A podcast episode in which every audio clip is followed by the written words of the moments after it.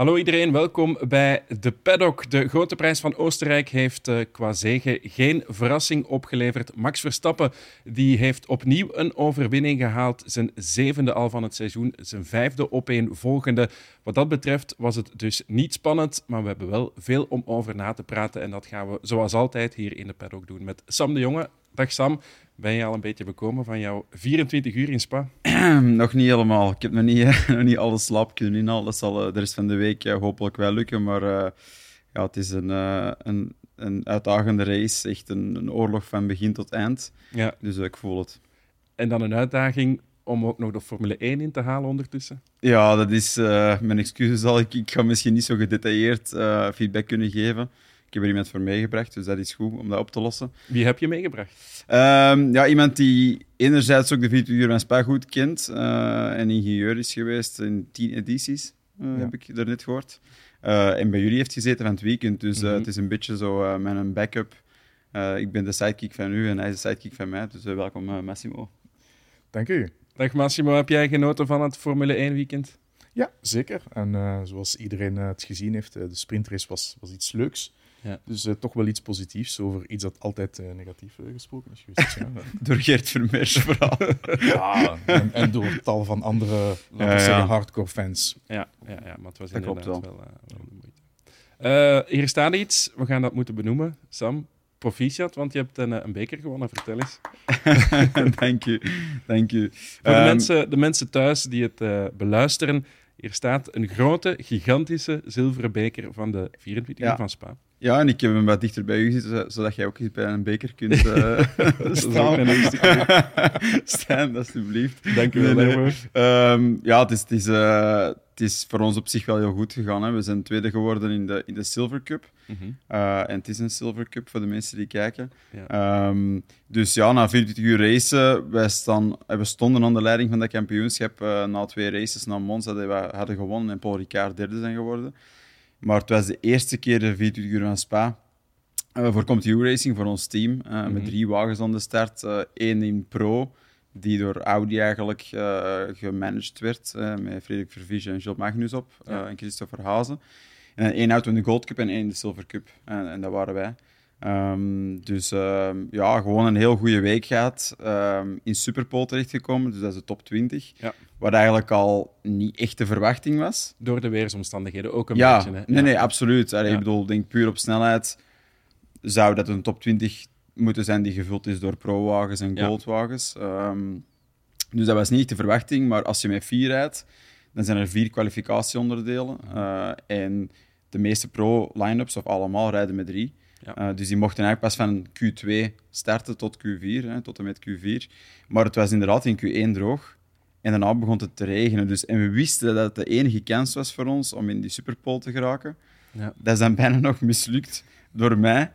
uh, bijna een traantje gelaten uh, na, na, na, mijn, na Q1. Ik, was, ehm, ik zat heel goed in mijn vel en er, was heel, er is eigenlijk heel weinig trainingen voor de kwalificaties. Het is ongelooflijk. Je rijdt amper. Er zijn heel veel media duties en die paraden in Spanje en zo. Er is, er is zelfs training na de kwalificaties, dacht ik. Ja, er is dan een, ja, ja. inderdaad een night practice en dan nog een na de Superpole nog een warm-up. Ja, ja. Dus dat is, een beetje, hè, dat is een beetje raar gestructureerd. Maar je rijdt heel weinig. Dus ik wist wel mentaal dat ik mijn eigen moest switchen naar die, dat één rondje zitten op, op die slick uh, band. En die eerste ronde geeft dat zoveel grip, dat kun je niet geloven. En, maar je moet in, in je hoofd ergens die stap maken van het te gebruiken. En ik heb mezelf op dat niveau gekregen. Ik had een paarse eerste sector, dat betekent de rapste eerste sector. Ja. Uh, en ik voelde mij echt goed. En in ja, halverwege, bijna tegen het einde van de tweede sector, kwam ik drie auto's tegen um, in de Pro-Am line-up, dus gentleman drivers. Ja.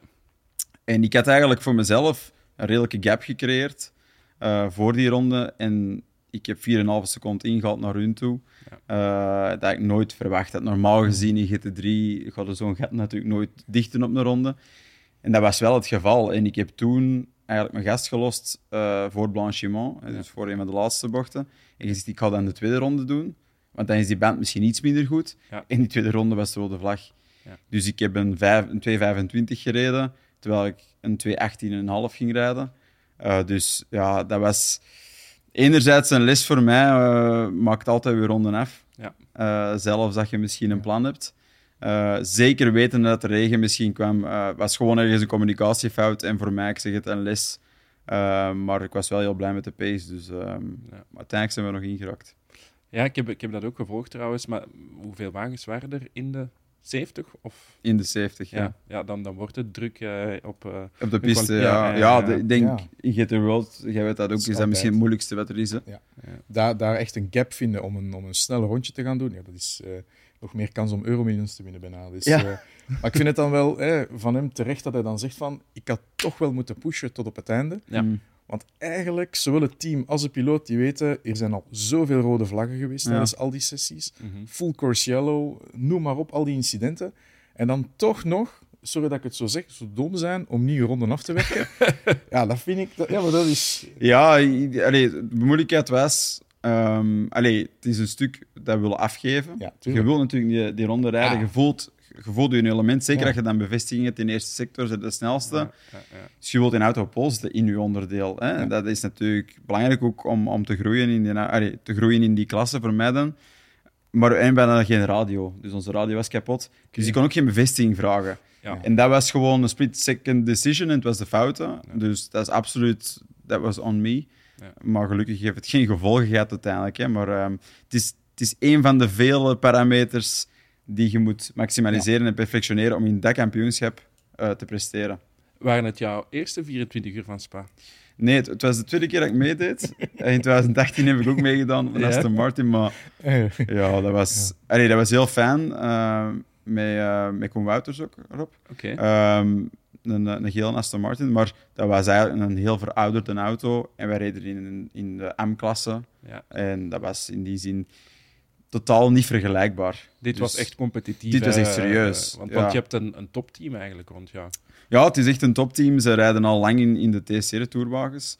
Ja, uh, ja, denk ja. hun zevende jaar. Met Gilles Magnus, die daar ook... Ja, met Gilles Magnus en Frederik Vervisch. Maar ze hebben dit jaar dan beslist met François Verbist, uh, dat toch een grote naam is in de autosport, zeker in België, um, om dat GT3-programma dan te gaan doen. En dat klinkt dan misschien gemakkelijk voor een ervaren team, maar dat is totaal niet. Ik bedoel, je zit eigenlijk tegen de beste teams en nog eens de merken die erachter staan ter mm -hmm. wereld, die dat al jaren doen en dus al die parameters waar, ook, waar, waar ik over spreek, al masteren. Uh, om daar even toe te komen en op dat niveau mee te spelen, dat is toch wel uh, redelijk ongelooflijk. Ja. We hebben het hier een beetje gevolgd, hè, Massimo, het uh, hele weekend lang. Wat, wat, vond je ervan? Want het is wel de grootste GT3-race ter wereld eigenlijk. Hè? Het, het, is een van de moeilijkste GT3-races ter wereld ook, want ja. traffic, maar ook de pace van al die piloten die zo kort op elkaar zitten. Mm -hmm al verliest je maar drie tiende per ronde of je wint ja. drie tiende per ronde, je haalt niks in en je verliest niet veel. Dus het is continu knokken. Ja. Maar ook traffic, ja, dat is gewoon voor mij knettergek. Dan, dan zit je met drie naast elkaar en dan, uh, oh, daar een trage auto, een gravel, want iemand is eraf gegaan. Ja. En die condities zijn gewoon knettergek. knettergek. Ja, de alertheid, de focus dat nodig is, dat is het, het zot vermoeien aan die race inderdaad, omdat Vroeger reden ze in een 24 race vaak rustiger ja. om, om materiaal te sparen, auto's te sparen. Maar die auto's zijn zo betrouwbaar geworden dat dat niet meer nodig is. En, en je doet gewoon een uur lang, hè, een stint, één stint is een uur. Dan moet je boksen voor te tanken en dan krijg je nieuwe banden. Mhm. Dus je rijdt die banden gewoon tijdens die stint op. Dus dat betekent maximaliseren. En dat is echt wel om daar heel de tijd bij te blijven. Zeker als je dubbelstints begint te doen. Um, er zijn zelfs triplestints. Om dan elk, elke centimeter goed te zien. Het wordt donker. Uh, je ziet niet overal even goed. Ja. Uh, en wat Massimo zegt van gravel, ik bedoel, je komt dan die bocht aan en met een bepaalde snelheid en je kunt niet altijd anticiperen op het feit van wat er gaat liggen. Dus er zijn gewoon heel veel elementen uh, wat dat zo machtig maakt. Ja, uiteindelijk uh, tweede dus in de Ja. klasse. Uh, negentiende algemeen. Ja. Zat er meer in? Ja, ja. drie keer ja. Ehm, er zijn meer in, maar ik moet ook wel zeggen dat degenen die gewonnen zijn, eh, bij in onze klasse dan, eh, Lamborghini, dat die echt wel snel waren. Maar het Die- verschil was, was niet groot na 24 uur. Nee, het was, het was denk ik 30 seconden en, en zelfs een half uur voor het einde was 12 of 13 seconden. Mhm. Ehm, en wij hebben een penalty gehad van een minuut voor track limits. Uh, Daar gaan we het straks nog, nog, nog over Daar hebben. kunnen we het nog over hebben, maar dat zal zeker in de debrief besproken worden, want dat is, iets, dat is eigenlijk gewoon een minuut weggeven. Ja. Een minuut die je on track heel moeilijk kunt terugwinnen. Ehm, en wel iets dat, eigenlijk, wat je toch wel een beetje onder controle hebt, vind ik voornamelijk als piloot. Mhm. Eh, en dat is een verantwoordelijkheid die je moet pakken, maar goed. Uh, ook een les om te leren na deze race. Um, maar in die zin is het tweede het beste wat we konden doen. En kijk, je moet die race eerst uitrijden. Hè. Je moet niks meemaken. Hè. En uh, in die zin zijn we wel heel blij. En ik ben ook wel trots op dat team. Hun eerste jaar dat ze meedoen in die race en dan direct twee auto's op het podium hebben, dat is gewoon wel heel knap. Ja. Er, was ook minder goed nieuws vanuit Spa, helaas. Uh, we hebben mm. het in de Formule 1-uitzendingen ook meegegeven, het overlijden van uh, Dilano van het Hof in het, uh, in het Freka, is die gecrashed. Mm. En een wagen ja, die, die vol in de zijkant is gevlogen op 18-jarige leeftijd, is hij overleden. jonge coureur van MP Motorsport. Ik weet niet of dat jij hem kende, Sam, of dat je van hem al gehoord had. Ik had natuurlijk al wel van hem gehoord, maar ik kende hem niet persoonlijk. Maar uh, Loris Hezemans, mijn teamgenoot, die samen met mij op de auto zat, kende hem heel goed. En Nederlander ook. Hè? Nederlander. Dus ja. uh, hebben ooit, uh, de jongere broer van Loris heeft samen gekart met, ja. met Dilano. Dus ja, dat komt dan wel dichtbij. En, en, en denk sowieso komt dat dichtbij natuurlijk als dat gebeurt in een support race. Um, je bent op dezelfde plek. Um, en ik heb zelf natuurlijk eenzitters gedaan, dus je, je snapt de mindset als je jong bent. En, en die gasten zijn allemaal onbevreesd. Eén uh, voor één, die willen richting de Formule 1. En dat is gewoon sowieso pijnlijk om iemand te verliezen die, die een droom probeert waar te maken. Ja. Um, ja, dat is gewoon heel erg. En het is ergens te hopen dat er, dat er iets uit geleerd kan worden. Uh, autosport blijft natuurlijk gevaarlijk, dat zal altijd zo zijn. En wij, wij kiezen allemaal om het te doen. Dus in die zin uh, heeft hij er ook voor gekozen om, om, om dat risico te nemen, uh, in die sport goed te worden. Ja. Maar het is erg dat die prijs betaald moet worden. En ik denk dat we moeten blijven zoeken naar manieren om ervoor te zorgen dat dat niet, hey, dat dat niet hoeft. Dat dat niet zo hoeft te zijn uiteindelijk. Maar, ja, ik, we hoorden Max Verstappen dat ook zeggen in een van de reacties bij, bij Stefan Lammes. Ja, mm. we moeten blijven nadenken over oplossingen. Maar ja, ja, de fysica blijft de fysica uiteindelijk. Hè. En, en, het enige wat we kunnen doen, is die auto's ja, veiliger gaan maken door extra structuren te gaan toepassen. Maar dan mm. hebben wij het negatieve van het gewicht. En we kunnen daar misschien later op terugkomen. Dat, ja. dat speelt niet in het voordeel van, van de sport, uiteraard. Maar goed, als iedereen zwaarder is, ja, dan is het voor iedereen hetzelfde. Maar nogmaals, een impact aan 150 of 200 per uur. Lateraal. lateraal. Dat, is, slecht punt. Dat is gewoon... Exact. Dat is niet te doen. En als, als, voor mensen die de beelden hebben gezien, het, het is ook niet leuk om naar te kijken. Maar je ziet gewoon alle onderdelen die, die rondvliegen. Maar de auto zelf wordt nog 100 meter weggecatapulteerd. Ja, dus de energie die daar los en vrij komt, dat is, dat is gewoon onbeschrijfbaar. kan een lichaam eigenlijk... Die, nee, een lichaam kan dat niet aan. Die, die deceleratie, en, allee, dat, dat kan dus dat gewoon niet... Je, je hebt hè, zoiets als G-krachten, dus zoveel maal je eigen gewicht hm. aanvoelen. En die G-krachten, ja, die, die loopt gelijk met de, de energie die op u afkomt. Dus zo'n auto aan 200 per uur, bij manier van hm. spreken, die 600 kilo weegt, dat is x energie of x joule. Ja. die moeten gedissipeerd worden. Of die worden gedissipeerd in een explosie, of door beweging. Maar, maar hier is het gewoon die G-kracht. Dus dat is de, de, tijd waar dat die energie wordt gedissipeerd. Er zijn bepaalde onderdelen in je brein, dat is dan 60G voor een fractie van een milliseconde. Ja, laat staan dat je dat 5 milliseconden of 10 milliseconden hebt. Het is, het is heel, heel plastisch om uit te leggen, maar je ja, je explodeert van binnen gewoon. Hè. Maar dus, is, het, sorry, is het dan contradictorisch? Of klopt het om te zeggen dat eigenlijk normaal dat die auto's wel sterker worden, dat er wel meer energie naar, het, naar, naar de De auto's scheuren niet meer, maar er komt wel... De auto's, doordat ze, doordat ze niet meer scheuren, gaat die energie wel naar binnen. Ja, maar dat, er is nog altijd een verschil. Dus hij wordt bijvoorbeeld lateraal uh, aangetikt. Daar daar moet eigenlijk een structuur zijn van x aantal centimeters die gaat crushen, of dus in elkaar stuiken, om dan zo die energie gaan absorberen. Hè. Mm. Bijvoorbeeld de neus van, van zo'n Formule 1-auto of een formulewagen, zoals ze zeggen, de crashbox, ja, dat is dan een ongeveer rekenen 30, 40 tal centimeter die in elkaar kan crushen. En dan gaat die energie zich dissiperen. Mm. Maar die auto is ook stevig. Voor hetzelfde geld heb je gewoon een, een, een crashbox, fantastisch. Mhm. Maar eh, op de eerste impact vliegt die gewoon weg, omdat, omdat, ja, omdat alles niet degelijk gemonteerd is of aan elkaar hangt. Dat was ook het geval vroeger. De auto's waren gewoon niet sterk, die moesten gewoon licht zijn en punt. Mm Ja, ja mensenleven was geen... Uh, nee. Een, een, een, straatauto is hetzelfde. Zoals ze noemen, de kreukelzone voorin, die is gigantisch achterin veel minder. En vandaar dat ook een tik langs achter. ja, het lijkt alsof je geen ongeval hebt gehad, maar je voelt het wel uh, heel hard. Ja, dus ja, op zoek gaan naar oplossingen, maar dat is, dat is makkelijk gezegd, maar, maar heel moeilijk om, er, om alles uit te sluiten. Ja. ja, maar ik denk wel dat als we naar deze situatie kijken, dan moet de vraag toch komen of het een juiste beslissing was om een herstart te gaan doen in de laatste ronde. Ja. Allee, ik bedoel, het is heel moeilijk. Hè? Want enerzijds, er wordt heel veel commentaar gegeven als er races niet doorgaan door regen. Iedereen zegt, oh, poesies. Oké, vanuit uw zetel met uw zak chips is dat misschien gemakkelijk. Maar als je in de auto zit, dan natuurlijk een ander verhaal. Maar ik denk dat geen enkele racepiloot het probleem heeft met in de regen te rijden. Mhm. Het probleem is dat je niks ziet. Ja. En dat is echt zo. Hè? Ik bedoel, als mensen op de autostrade rijden en zeggen, ik zie niks. Geloof mij, in een raceauto, dat kun je niet vergelijken. Dat is een muur van mist. Mhm. En als er iemand achterstevoren staat, op het rechtstuk achter Redion, kun je nooit hebben gezien.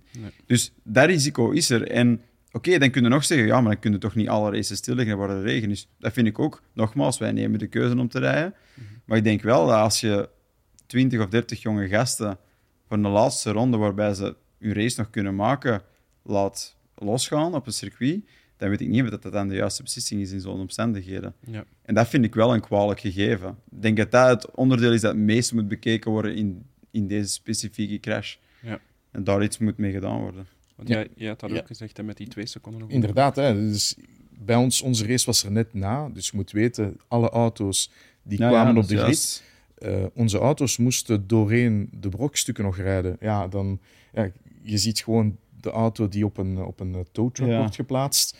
Alle losse onderdelen. Dat, dat, is niet oké, hè? Dat, dat, is, dat is niet oké. Mhm. Simpel, dat is niet oké. Nee. Onze start wordt gedelayed met meer dan een half uur. Mhm. Uiteindelijk starten we achter safety car. Goede beslissing. Ja. ja. Maar achter safety car reden wij in uh, 3 minuten 40, 3 minuten 50. Wat uh, ongeveer een minuut 30 te traag is. Ja. En dan nog gingen er auto's van de baan. Ja. Dus, om maar te zeggen, om maar te zeggen ja. Hoe, hoe, ja, hoe gevaarlijk het was. En dan uiteindelijk hebben ze gezegd, safety car in this lab. We zijn vertrokken, is weer een auto gecrashed. Dan hebben ze gezegd, oké, okay, stop. Uh, stop. Eerst safety car en dan gewoon rode vlag. Ah, ja. Uh, ja, dat heb ik race gezien. race uh, will not resume. Dat is gewoon de correcte beslissing. En, en Te veel water kunnen... Je, je, ja, één, je ziet niks. Tweede, auto blijft niet op de baan. Banden kunnen niet verwerken. Nee. Auto liggen al, auto's liggen laag. Ja. Er zijn natuurlijk voilà, er zijn echt wel situaties waar het niet anders kan, denk ik. En ik denk dat ze daar gewoon... Dat is niet leuk. Dat is niet leuk voor de mensen nee. die komen kijken. Nee. Dat is niet leuk voor de teams, voor de piloten. Maar soms moeten we toch wel kiezen voor veiligheid boven. Uiteraard. Maar zijn er dan geen systemen om dat te meten, bijvoorbeeld? Zou dat een oplossing kunnen zijn? Dat, uh, vanaf dat er zoveel water op de baan staat, is de zichtbaarheid... Uh, dat kan je dan toch wel voorspellen, denk ik.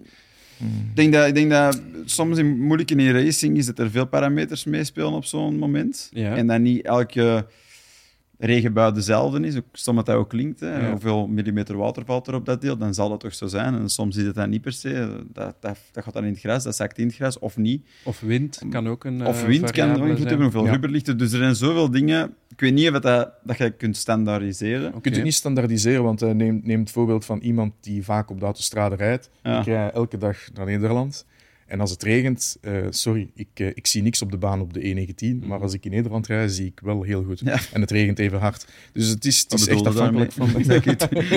nee, maar het ene laat water erdoor, de andere Ja, niet. ja. En tuurlijk, Ja, maar dan, dan- dan, dan zou je kunnen zeggen, als het dat is, zou je kunnen zeggen, oké, op elk circuit dat soort asfalt. Ja, maar dat gaat niet. Voor het simpele feit dat die, uh, die tarmacs die gebruikt worden, de Mhm. krachten die komen op, op, op Ah, dat ja. stuk, ja, dat, dat, dat, Oké. scheurt het gewoon uit elkaar. Ja. En ik weet niet of dat jij ooit uh, in, uh, in, wat was het, in, ergens in Azië was er ook een, toen met de GP2, ook Mhm. het, een, een soort tarmac gebruikt en die kwam gewoon los. Los. En iedereen kreeg al die stenen op hun helm en Ja, de auto's ja. en die Ook waren niet gewoon... veilig. Dat is niet veilig. Nee. Dus nee, dat, dat is specifiek tarmac ook die, die uh, ja, voor de grip, et cetera, en ook de, de structuur te kunnen behouden. Ja. Het is, het is zeer droevig en, en oh om dat af te sluiten, ik denk dat dat voor niemand gemakkelijk was. Nee. Uh, voor ons allemaal. Ik bedoel, ik denk dat je een beetje egoïstisch wel zei dan op dat moment en denk dat je dat wel blokt. Ja. Want je kunt niet anders. Ik bedoel, je, je start dan een van de snelste GT-races ter wereld, waarbij we allemaal full commitment de moeten oprijden. Er is geen regen geweest. Dat is goed, denk ik. Uh, dat heeft ons geholpen in die zin om altijd zichtbaarheid te hebben. Maar ja, mentaal gezien denk ik dat iedereen, uh, iedereen was er stil van. Ja, kan ik geloven dat, uh, dat je daarvan een klap krijgt. hè. Ja. Maar, maar ja, het moet door en, en wij moeten ook door. Ja. We gaan naar, naar de Formule 1 race, ehm, die op zich niet, niet zo heel spectaculair was. Vond ik.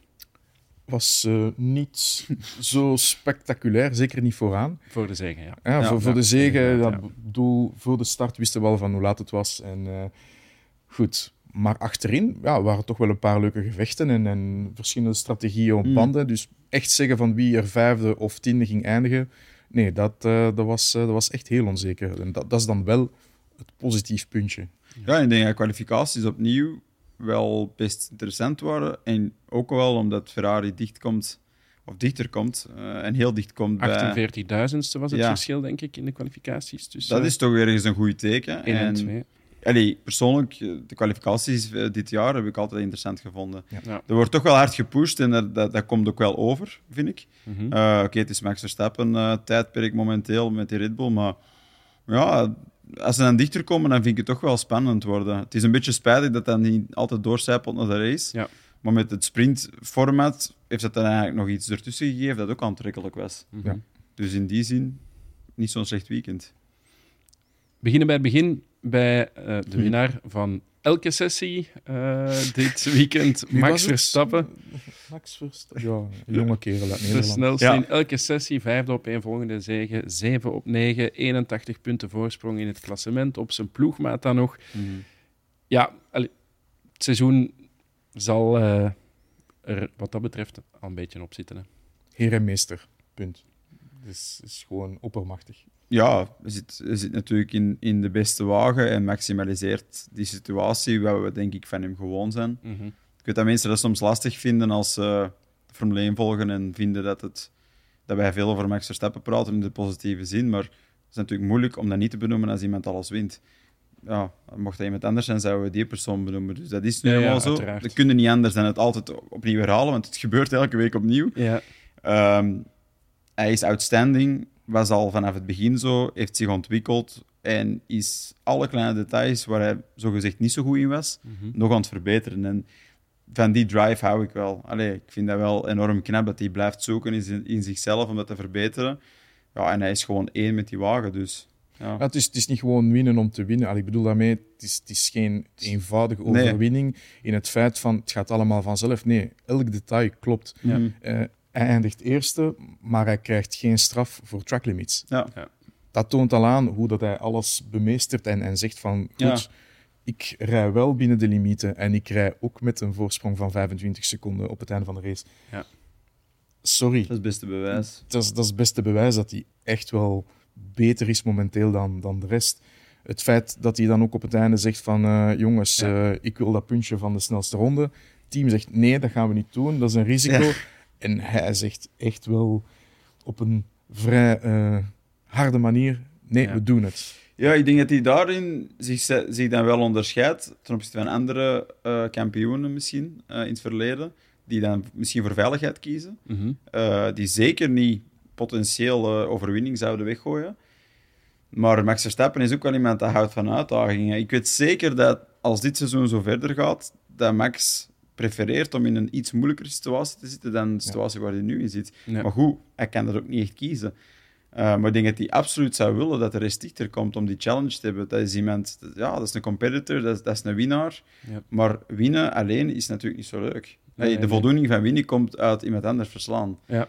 En ik denk wel dat dat... Uh, allee, dat is denk ik een deel van, van waarom dat hij voor zichzelf blijft zoeken naar dingetjes, dat, dat hem wel nog beter in kan worden. Ja, terwijl ik hem ook al eens heb horen zeggen dat hij liefst gewoon van start tot finish aan de leiding rijdt. Eh, dat... ja. ja, maar wel met tegenstand. Ja, ja, ja. Allee, ik bedoel, anders kan hij ook gewoon eens gaan testen hè, en snelle tijden zitten. Hè. Dus ja. Nou, ik denk dat hem toch zou appreciëren als hem, uh, als hem er echt een beetje voor moet vechten. Ja. Maar als we, als we het even bekijken op, op een manier die, die heel, uh, ja, ik ga het zeggen, plastisch is, alles lijkt trager te gaan voor hem. Hij heeft gewoon de tijd om na te denken, hmm. om zich goed te positioneren. Hè. Bijvoorbeeld bij de start met Leclerc ook. Ja. Hij weet, Leclerc is een dreiging, ja. maar hij houdt een bepaalde plaats in op circuit waarbij hij zegt van, kom maar, je raakt me toch niet voorbij, want ja. uw positie is, ja, is, is, is gecompromitteerd. Hij kan over heel veel elementen tegelijk denken. Ja, en, en dus, dat, dat is echt wel, vind ik, uh, iets merkwaardig. Ja. Hetzelfde met, met dat puntje voor, voor de snelste ronde. Uiteindelijk, wat gaat er in zijn hoofd? Ik heb genoeg overwinningen, ik heb genoeg voorsprong. Ja. Het is een risico die heel klein is dat er iets fout gaat met de pitstop. Mhm. Ik doe het. Ja.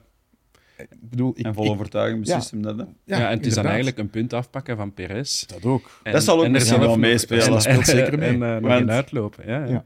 Dat, dat, ja, zat. Ja, hij heeft hem eigenlijk op de, vingers... Ja, heeft hij een beetje op de vingers getikt na de wedstrijd. Dan hoorden we Perez zeggen in het interview... Ja, Max was boos daarom, maar ik had hem niet gezien. Uh... Ze liegen allebei. Ja.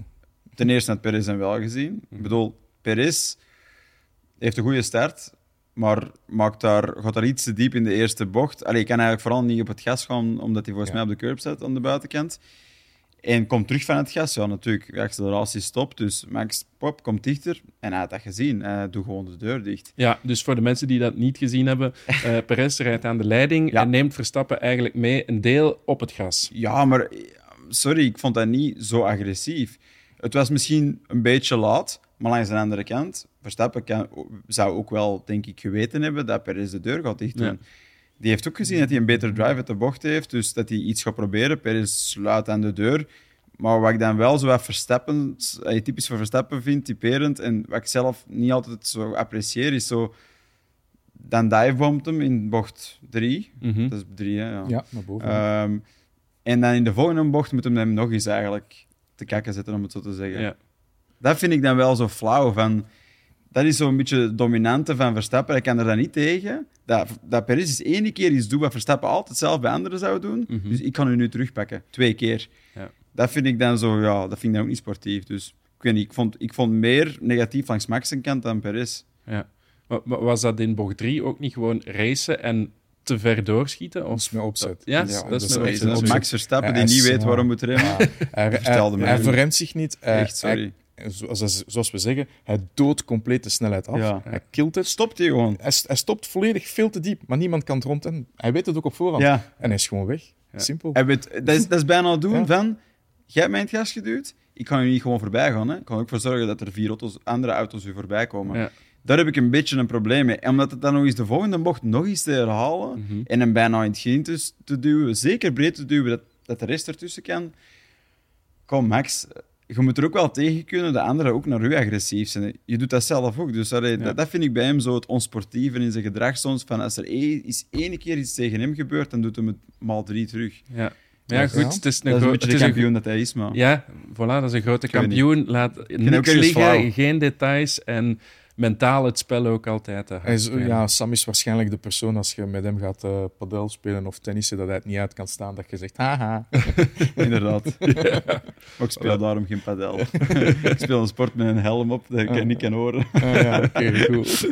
Uh, tweede zijn Nee, maar ik bedoel, ergens vind ik zo, ja, dat dominante zo van u straffen omdat je iets gedaan hebt bij de grote Max Verstappen. Snap je wat ik bedoel? Van ik het snap wat je bedoelt. vind ik dat moeilijk. Ja. Maar, maar goed, ja, ik, ik vind het, ja, in tegenstelling tot, tot, tot het ik vind, ik vind het wel positief. Mhm. ik, vind dat, ik vind dat echt ja, een, een, een, mentaliteit van ik laat niks liggen. Mhm. Maar wat, misschien wel minder positief was, en dan ga ik terug naar die dominantie, uh, is dat uh, Stefan Lammers, die voor ons in Oostenrijk was, zei dat uh, in de perszaal dat de journalisten gewoon al andere sporten aan het bekijken waren tijdens de race. Ja. ja. Die waren er ja. 24 uur aan het zappen. Zoiets, ja. Nee, die waren gewoon echt inderdaad al uh, met andere evenementen bezig. Omdat het zo dominant is, ja, dat is misschien ook wel de keerzijde. Ja, maar ik denk wel, allee, ik denk toch dat er tekenen zijn dat, dat, dat er misschien wel wat tegenstand kan komen. Tegenstand, allee, met een korrel zout, uh, dat, dat Ferrari dichter komt, vind ik denk ik wel iets positiefs. Hoe waar is dat in een weekend waar Aston Martin en Mercedes het minder goed doen. Hè? Is dat dan mm. Ferrari die beter is of zijn zij het die slechter zijn? Mm. Een beetje moeilijk af te wegen. En dat is sorry, iets dat we volgens mij volgende week wel gaan zien. Of deze week liever in Silverstone. Dat, dat is meer een circuit waar je pure performance kunt zien op een niet-atypisch circuit zoals de Red Bull Ring. Ja. Maar uh, ja, oké, we weten allemaal dat Red Bull de beste auto heeft gemaakt. En ja, dat is nu eenmaal zo momenteel. Oké, laat ons dan uh, dat hoofdstuk afronden. Er kan uh, niet veel meer over gezegd worden, behalve dat ze enorm goed zijn. Ferrari, je haalde het al aan. Voor jou, Massimo, moet dat misschien wel fijn zijn met je Italiaanse roots, dat, uh, dat Ferrari weer iets dichter komt. ja, ik, ze komen wel iets dichterbij, maar... Of op het podium toch? Ja, toch op het podium, maar inderdaad, ik moet wel Sam volgen. Is het Ferrari die dichterbij komt, of is het gewoon Aston Martin die een klein beetje minder was dit weekend? Mm ja. Ik vind een gap van 25 seconden nog altijd wel heel veel. Ja, ja, en, en die gap, ja, die zomaar gaan overbruggen, ik weet het niet. Ja, ja. Ferrari heeft ook eigenlijk nog niet zoveel updates uh, opgebracht in, in, in, op de auto. Dus uh, ik denk dat Haas en Ferrari de twee uh, merken zijn, of de twee constructeurs, die de minste updates hebben gehad. Logisch ook, want ze delen heel veel technische onderdelen. Maar, ja. Maar die, diegenen die ze gedaan hebben, want er zijn er wel gebeurd ja. nu, die, die werken volgens, volgens Ferrari wel. Um, ja. Is de invloed van Fred Vasseur nu stilaan zichtbaar? Want operationeel. ja, toch niet met de dubbelstack uh, pitstop. Die, die was niet zo... Nee, die was niet fantastisch. Die was, die niet fantastisch. Twee keer traag, denk ja, ik. Ja. Dat, was, dat was echt twee keer een slechte pitstop. Maar goed, Fred Vasseur, ik heb het al een paar keer gezegd. Ik vind het een fantastische kerel. Ik heb het geluk ja. gehad om hem te ontmoeten al een paar keer in de race. Die is echt goed. Zeer capabel. Die is echt goed. die, die weet waarover hij bezig is. En kan een team organiseren, is ook zo'n een man die heeft zo'n bepaalde aura. En op tv lijkt het van, ja, kan hem niks schelen, maar in het echt is het echt wel een man die... Uh, ja. Hij is direct, weet, maar eigenlijk ook wel menselijk. Hè? Hij is gewoon menselijk en, en, ik bedoel, hij gaat ook filteren. Mm. Jij moet er niet bij bij, jij wel. En hij kan wel een team rond zich bouwen. Hij is ook altijd succesvol geweest ja, in motorsport. Absoluut. Altijd. Hij heeft de grootste teams gebouwd. Dus. Ik geloof er ook wel in. Allee, dat, dat brengt mij zo ergens wel rust. Want ik denk dat iedereen toch Ferrari-fan is. Wil, iedereen wil wel ergens dat die rode auto's het goed doen. En zeker dat ze kunnen meestrijden met voilà. Red Bull, bijvoorbeeld. Weet je, dat is, dat is zo'n iconisch merk. En dus iedereen is, is wel wat fan. Maar ik vertrouw er wel ergens op dat dat goed komt. Ik denk gewoon dat dat dom zou zijn van ons om dat te verwachten in zo'n korte tijd. Mm -hmm. Om in een structuur binnen te wandelen met zoveel historie en dan als Fransman, dat is niet zo gemakkelijk om daar even te zeggen: ah ja, geef mij een winter en dan zie je wel. Hè? Ja. Dat, dat, dat, dat, gaat zoveel dieper in de structuur, die fouten die daar zitten waarschijnlijk, ja. dat die gewoon tijd nodig heeft. Dus allee, ja, denk in die zin moet een beetje kijken naar, naar volgend jaar op dat vlak. En nu werden ze ook niet geholpen door die virtual safety car Ferrari, want uh, net voorbij de pit entry wanneer die buiten kwam en wanneer ze dan gepit hadden, dan was de virtual ja, safety car weg. Inderdaad, ja. En dan, en dan een terechte opmerking van Sainz, ja, je had mij moeten buiten laten. Ja, oké, okay, ja, goed. Dat is, dat is op dat moment een slechte keuze. Ja. Maar ja, als, als de auto beter is, dan bewijst Max Verstappen weer dat het niet hoeft om in de virtual safety car een, een pitstop te doen. Ja, de luxe heeft Ferrari natuurlijk ja, niet. Maar, dus, uh, en ja, weer al, als je iets tekort komt, dan moet al de rest wel kloppen. Ja. En dat was dit weekend dan op een paar details na dan niet het geval. Ja. Spijtig genoeg. Ja. Wat we wel weer hoorden, was dat er opnieuw een vraag over de strategie werd gesteld aan Charles Leclerc. Ja. Daar waren we zo al een tijdje niet meer gewend. Vorig seizoen uiteraard wel, die discussies. Ja, klopt. Ja, maar dat is, dat, dat, dat is misschien een terechte vraag. De, de piloot heeft toch wel altijd het, de, het meeste feeling. Hè, in de veronderstelling dat, dat, dat Sam mijn piloot is en hij zou een eventueel dubbele stint moeten doen met zijn ballen, ga ik hem ook vragen. ga ik hem ook vragen. Nee, maar ja, ik ben... je weet wel goed wat ik bedoel, hè. Maar dan, dan, dan, dan moet je wel die vraag stellen van... Ja, ja of ook. nee. Hij voelt de degradatie het meeste. Hij weet ook exact. hoeveel hou ik over. Ja. Is, moet ik elke keer uh, vechten om, niet, uh, of, om op het circuit te blijven en ja. over die witte lijn te gaan. Die info die hebben de ingenieurs eigenlijk niet. Dus die input is wel van, van groot belang. Okay. Uiteraard, het zijn niet Vettel-toestanden waarbij hij zelf ging zeggen wat de afstelling moest zijn en wanneer ze binnen moesten komen en et cetera, et cetera. Dus dat is wel voorbij. Het is wel belangrijk, want wat je aanhaalt betekent des te meer dat die communicatie tussen auto en pitmuur zo cruciaal is. Cruciaal. Alleen dat dat misschien wel het belangrijkste onderdeel is om, wanneer je een goed pakket hebt, het ook Mhm. te doen werken. Ja. En we blijven er toch een beetje over praten, van we zeggen van strategie en Ferrari, maar, maar ja, communicatie is misschien wel het eerste deel dat moet verbeterd worden om de rest te doen werken. Ik denk Ja. dat daar slimme mensen zitten. Ze hebben op zich geen slechte auto gebouwd, dat was vor- vorig jaar ook het Nee. geval. Niet goed genoeg, maar laten we Red Bull even buiten beschouwing laten. Ja. In die zin. Want het is toch gewoon communicatie die... Er is heel veel verlies qua tijd en energie in hun communicatie en het is nooit straightforward. Ja. Dus ik denk dat dat het eerste ding is waar, waar Passeur wel op aan het werken is. Maar het is Ja. ook een mentaliteitsprobleem hoor. Dus natuurlijk, eh, ik ben zelf deels Italiaan. Ik heb heel veel met Italianen gewerkt. Het is ook een heel groot politiek spel. Er zijn Ja, bepaalde mensen ja. die een bepaalde rol hebben, die willen hogerop Mhm. of net niet hogerop. Ja. Eh, die willen bepaalde verantwoordelijkheden nemen of niet. En ze wijzen heel graag naar elkaar. Ja. En ook zo'n strategiebeslissing mensen denken van het is één persoon die de beslissing neemt. Nee, er is een strategy engineer, die geeft het dan door aan de ene, die geeft het nog eens door aan een andere. En dan kan er iemand het overrulen. bedoel, te complex. Het is, het is te complex. En in, in onze disciplines, dan, hè, zoals, zoals GT, als ik race engineer ben, ik ben de enige die beslist. Ja. Ik beslis op het moment, punt. Ja, ja, ja. Dan kun je snel zijn. Hè? Dat kan, Allee, en dat kan dan fout zijn of niet, maar het is in ieder geval een beslissing. Inderdaad. Ja, maar daar zal Vasseur misschien wel uh, aan werken, aan, aan die de, maar, maar, we zien het ook, zo, dat ze eraan werken. Want bijvoorbeeld de beslissing in, uh, in Canada om een andere strategie te gaan doen mm met, met de banden. Ja. Iedereen dacht, wat zijn die aan het doen? Ja, het was toch wel de winnende strategie op dat moment. Ja. Zonder te winnen, maar ik bedoel daarmee... Ze hebben, daar veel, ze, hebben er veel mee gewonnen. Ja, ja, voilà, klopt. Goed, um, toch nog even terug naar Red Bull, maar dan Sergio Perez.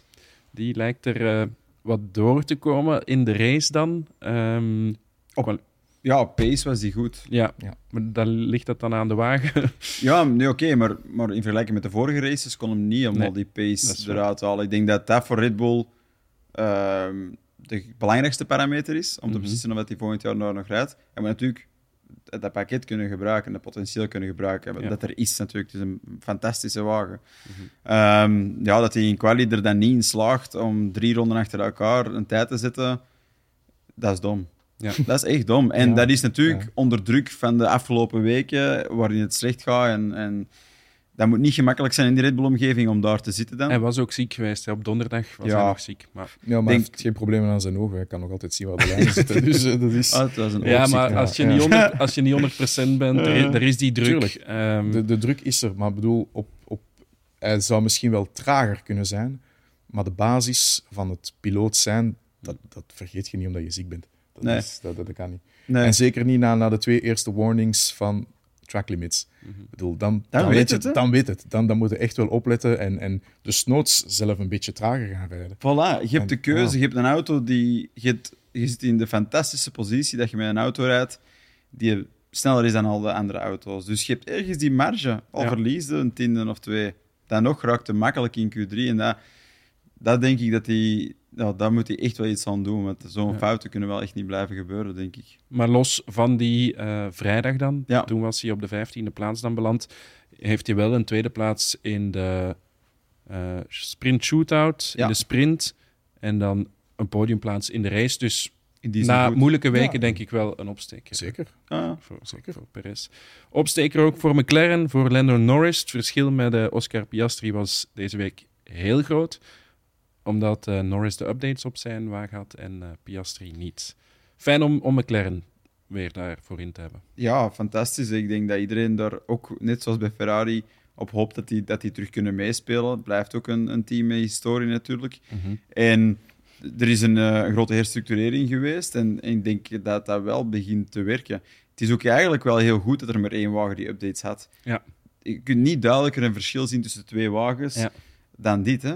En dat is eigenlijk de bevestiging. En dat, dat moet wel heel voldoeninggevend zijn voor hen. Van oké, okay, dat werkt dus in de juiste richting mm -hmm. sinds lang. Dus ja. Uh, ja. Maar het is wel dubbel, want die, die, die updates... Tuurlijk, Lando doet het dan heel goed in, in, in qualifying. Mm -hmm. Wat er ook voor zorgt dat hij net in een ander, letterlijk, treintje zit. Ja. En daardoor wordt de gap ook groter. En ja. dat is ook wel het gevaar die, we, die, die, die er bestaat van...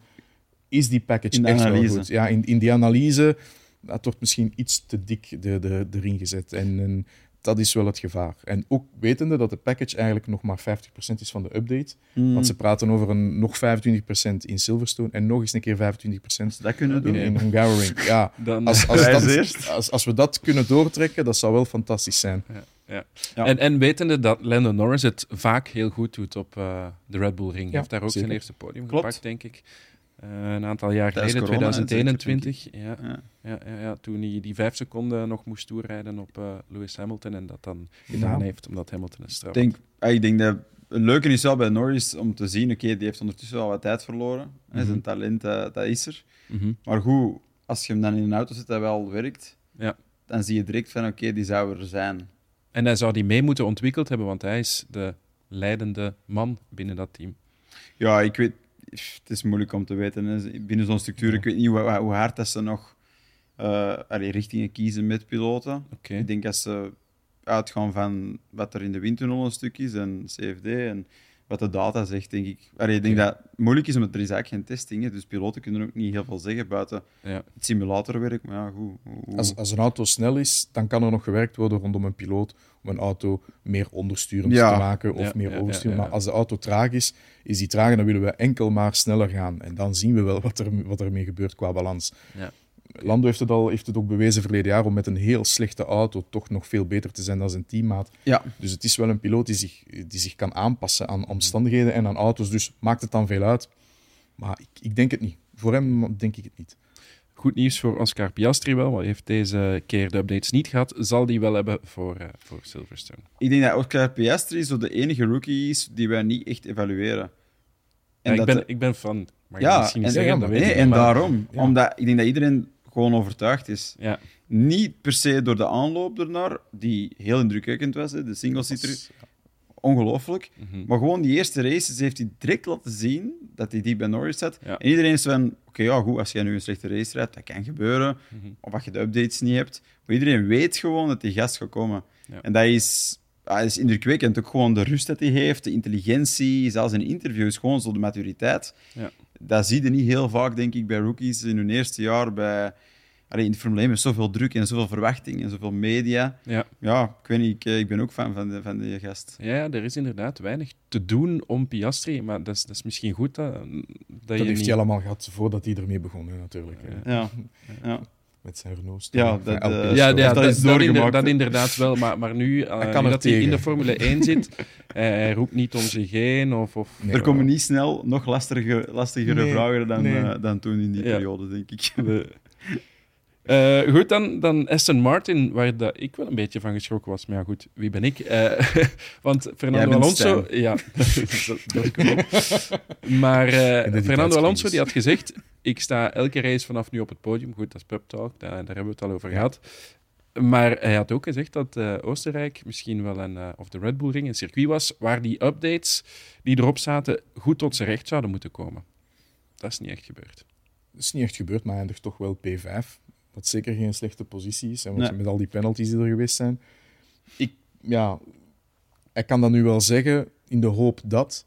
Maar een circuit zoals uh, de Red Bull Ring is erop of eronder. En we zien het ook gelijk. En like, ja, de, de auto's die helemaal bovenin zijn, die helemaal terugvallen. Mm. Ik denk Silverstone, dat gaat pas echt... Ja, dat, dat gaat echt wel de test zijn. Daar zijn jullie grote fan van, hè, van dat circuit. Ja. Dat heeft alles. Ja. Dat is ongelooflijk het spijtige aan de circuit is dat als je daar zit, het gevoel is daar niet fantastisch. Ik vind het niet. Ik vind het zoals Hockenheim, die piste, de layout is om op te rijden als piloot heel leuk. Maar de infrastructuur, de surrounding, gewoon, er is, dat is raar om te zeggen, dat is vlak.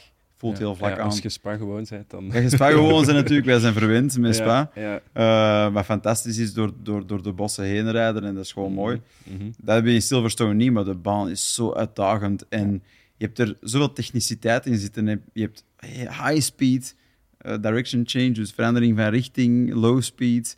Uh, er is een beetje elevation change, dus hoogteverschillen, camber of camber. Het heeft, het heeft alles. Hè? Ja. Ja. En in die zin is het een fantastische test voor Formule 1 teams om te zien waar ze staan met hun auto, denk ja, ik. Thuisrace ook voor Aston Martin zal dus... Uh...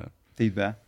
Ja, want voor, voor Aston Martin is het, is het gewoon weg. Het is, het is een auto die heel sterk is in mid- en high-speed corners. Ja ja, Silverstone is dat. En, en, dan iemand zoals Alonso achter het stuur, ja, dat gaat... Uh, dat, dat smullen. Ja, dat, dat, gaat echt smullen zijn. Ja, kijk, we zeiden daarnet dat het niet spannend was vooraan, maar we kijken nu al uit naar het gevecht tussen Ferrari en Zie, Aston Martin en McLaren. Ja, voilà, Allee, het is maandag, hè, gast. Het is, het is niet gemakkelijk. Hij heeft geslapen, hè? Ja, Blue Monday, gehad Komen van die wolk, oh, boom. dus valt goed mee.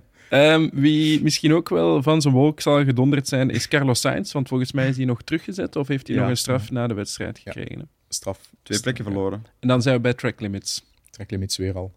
Ja, ik, ik heb het eigenlijk een beetje gehad na dit weekend met die track limits. Maar, maar goed, ja, ze moeten er zijn. Ja, want Formule 1-auto's die worden gebouwd op de duizendste van een millimeter, ik overdrijf.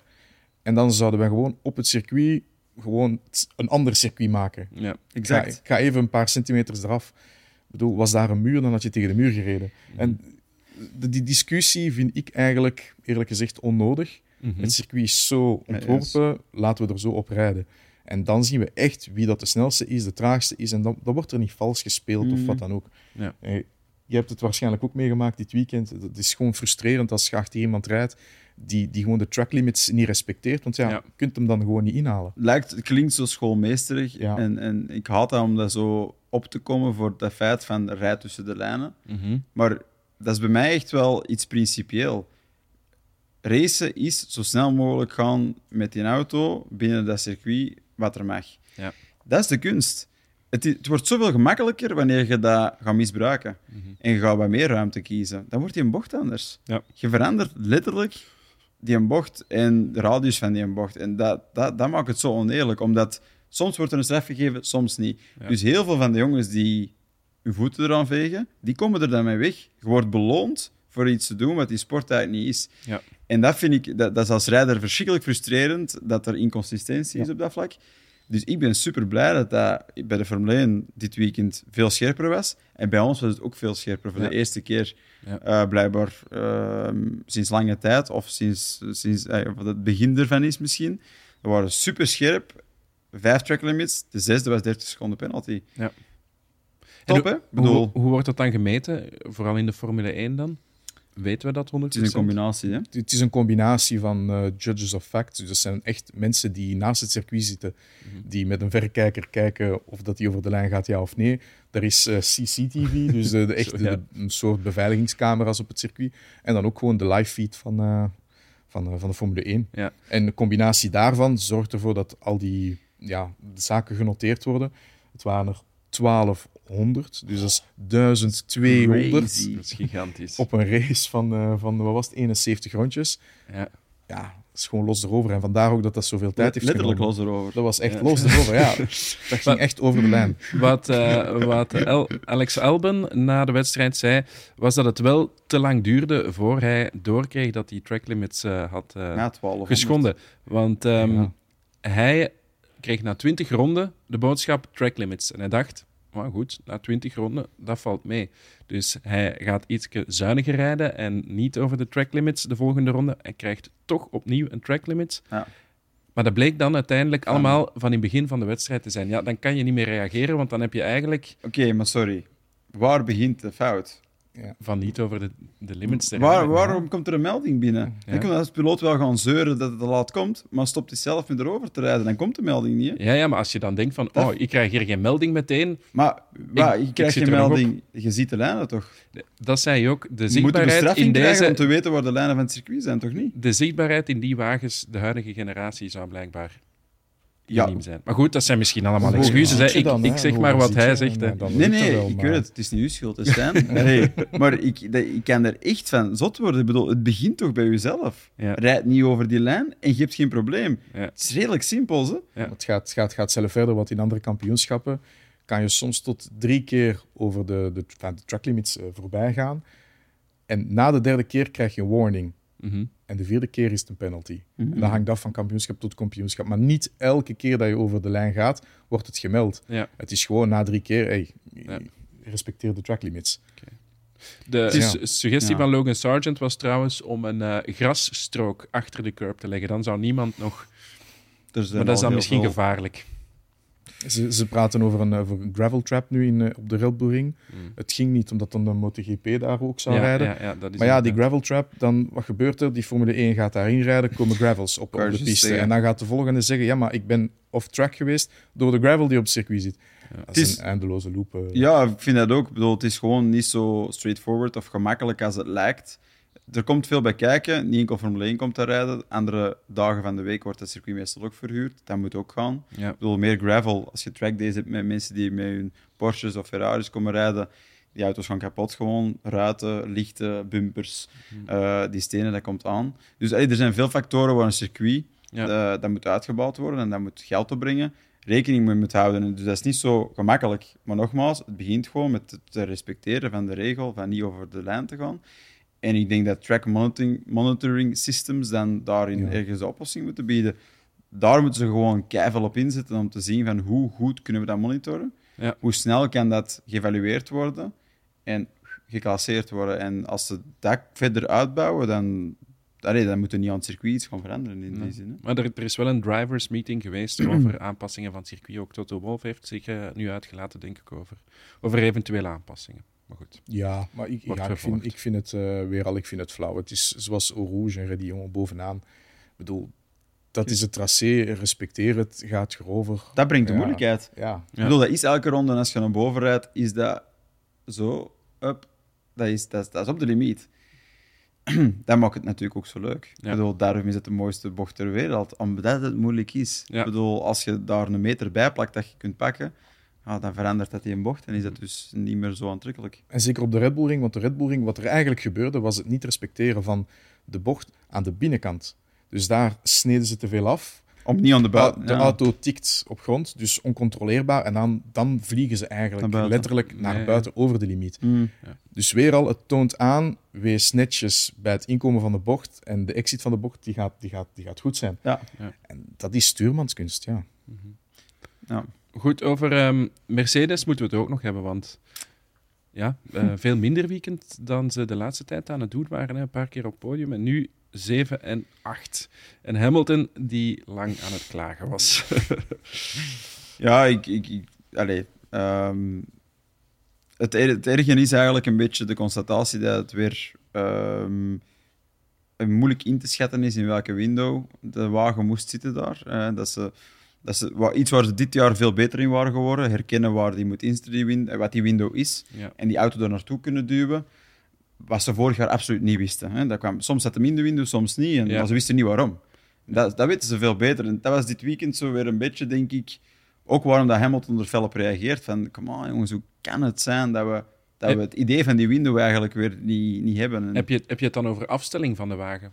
Voor, voor mensen die... Ja, ja dus de, een, een, je kan een één afstelling hebben en die bij manier van spreken overal gaat werken. Mhm. En dan kan het zijn dat de auto reageert op één graad verschil van de piste en dan rijdt hij niet meer. Ik overdrijf het. Dus dat is echt die window. Daarin werkt die goed. Sommige auto's hebben een grote window, andere mhm. hebben een hele kleine window. Mhm. Maar weten waar dat die window is, is niet altijd eenvoudig. Nee, en dat, is, dat is cruciaal om het potentieel te gebruiken van die wagen. Hè. En dat is, die Mercedes is vanuit de basis niet fantastisch waardoor dat window plots veel kleiner wordt. Ja. Je hebt eigenlijk niet veel opties. Hè. Er, is, er zijn bepaalde omstandigheden waarin dat die toch goed presteert. Maar dan moet het circuit er, eh, het juiste circuit zijn, de juiste temperatuur, eh, is het droog, is het nat. En ja, er zijn eigenlijk te veel kansen dat het niet werkt. Mhm. En daarom is het lastig natuurlijk wel om een slechte basis te hebben als auto. Red Bull kan zich veroorloven, die window is breder, die zal in de meeste omstandigheden goed werken. Ja. Dat is veel gemakkelijker. En ze hebben maar misschien één vrije training nodig om dat te vinden. En dan in een sprintweekend zoals dit. Ja, voilà. En daar ligt eigenlijk het probleem bij Mercedes. Er wordt een keuze gemaakt van dit wordt de setup. Ja. Mhm. Er is maar één keer getest in FP1. En that's it. Ja. En dan wordt, wordt dat zwaar afgestraft. Ja, dan wordt heel zwaar afgestraft door eigenlijk je eigen auto niet goed genoeg te kennen. Ja, en dat die niet goed genoeg is in, in, in de basis. Mhm. Oké, ja, misschien dat ze dat uh, in, in Silverstone wel weer zullen vinden ik denk, denk automatisch dat ze daar beter gaan presteren. Ik denk dat dat gewoon... nog een ploeg die er dan bij komt voor Silverstone, dus dat, dat wordt wel wat daar. Sowieso ja. kijken, zou ik zeggen. ja, ter plekke gaan. Ja, dat, dat gaan we nog regelen met, uh, met onze Las Vegas, hè? Ja, we mochten Las Vegas met heel de ploeg gaan. Hebben ze gezegd hier.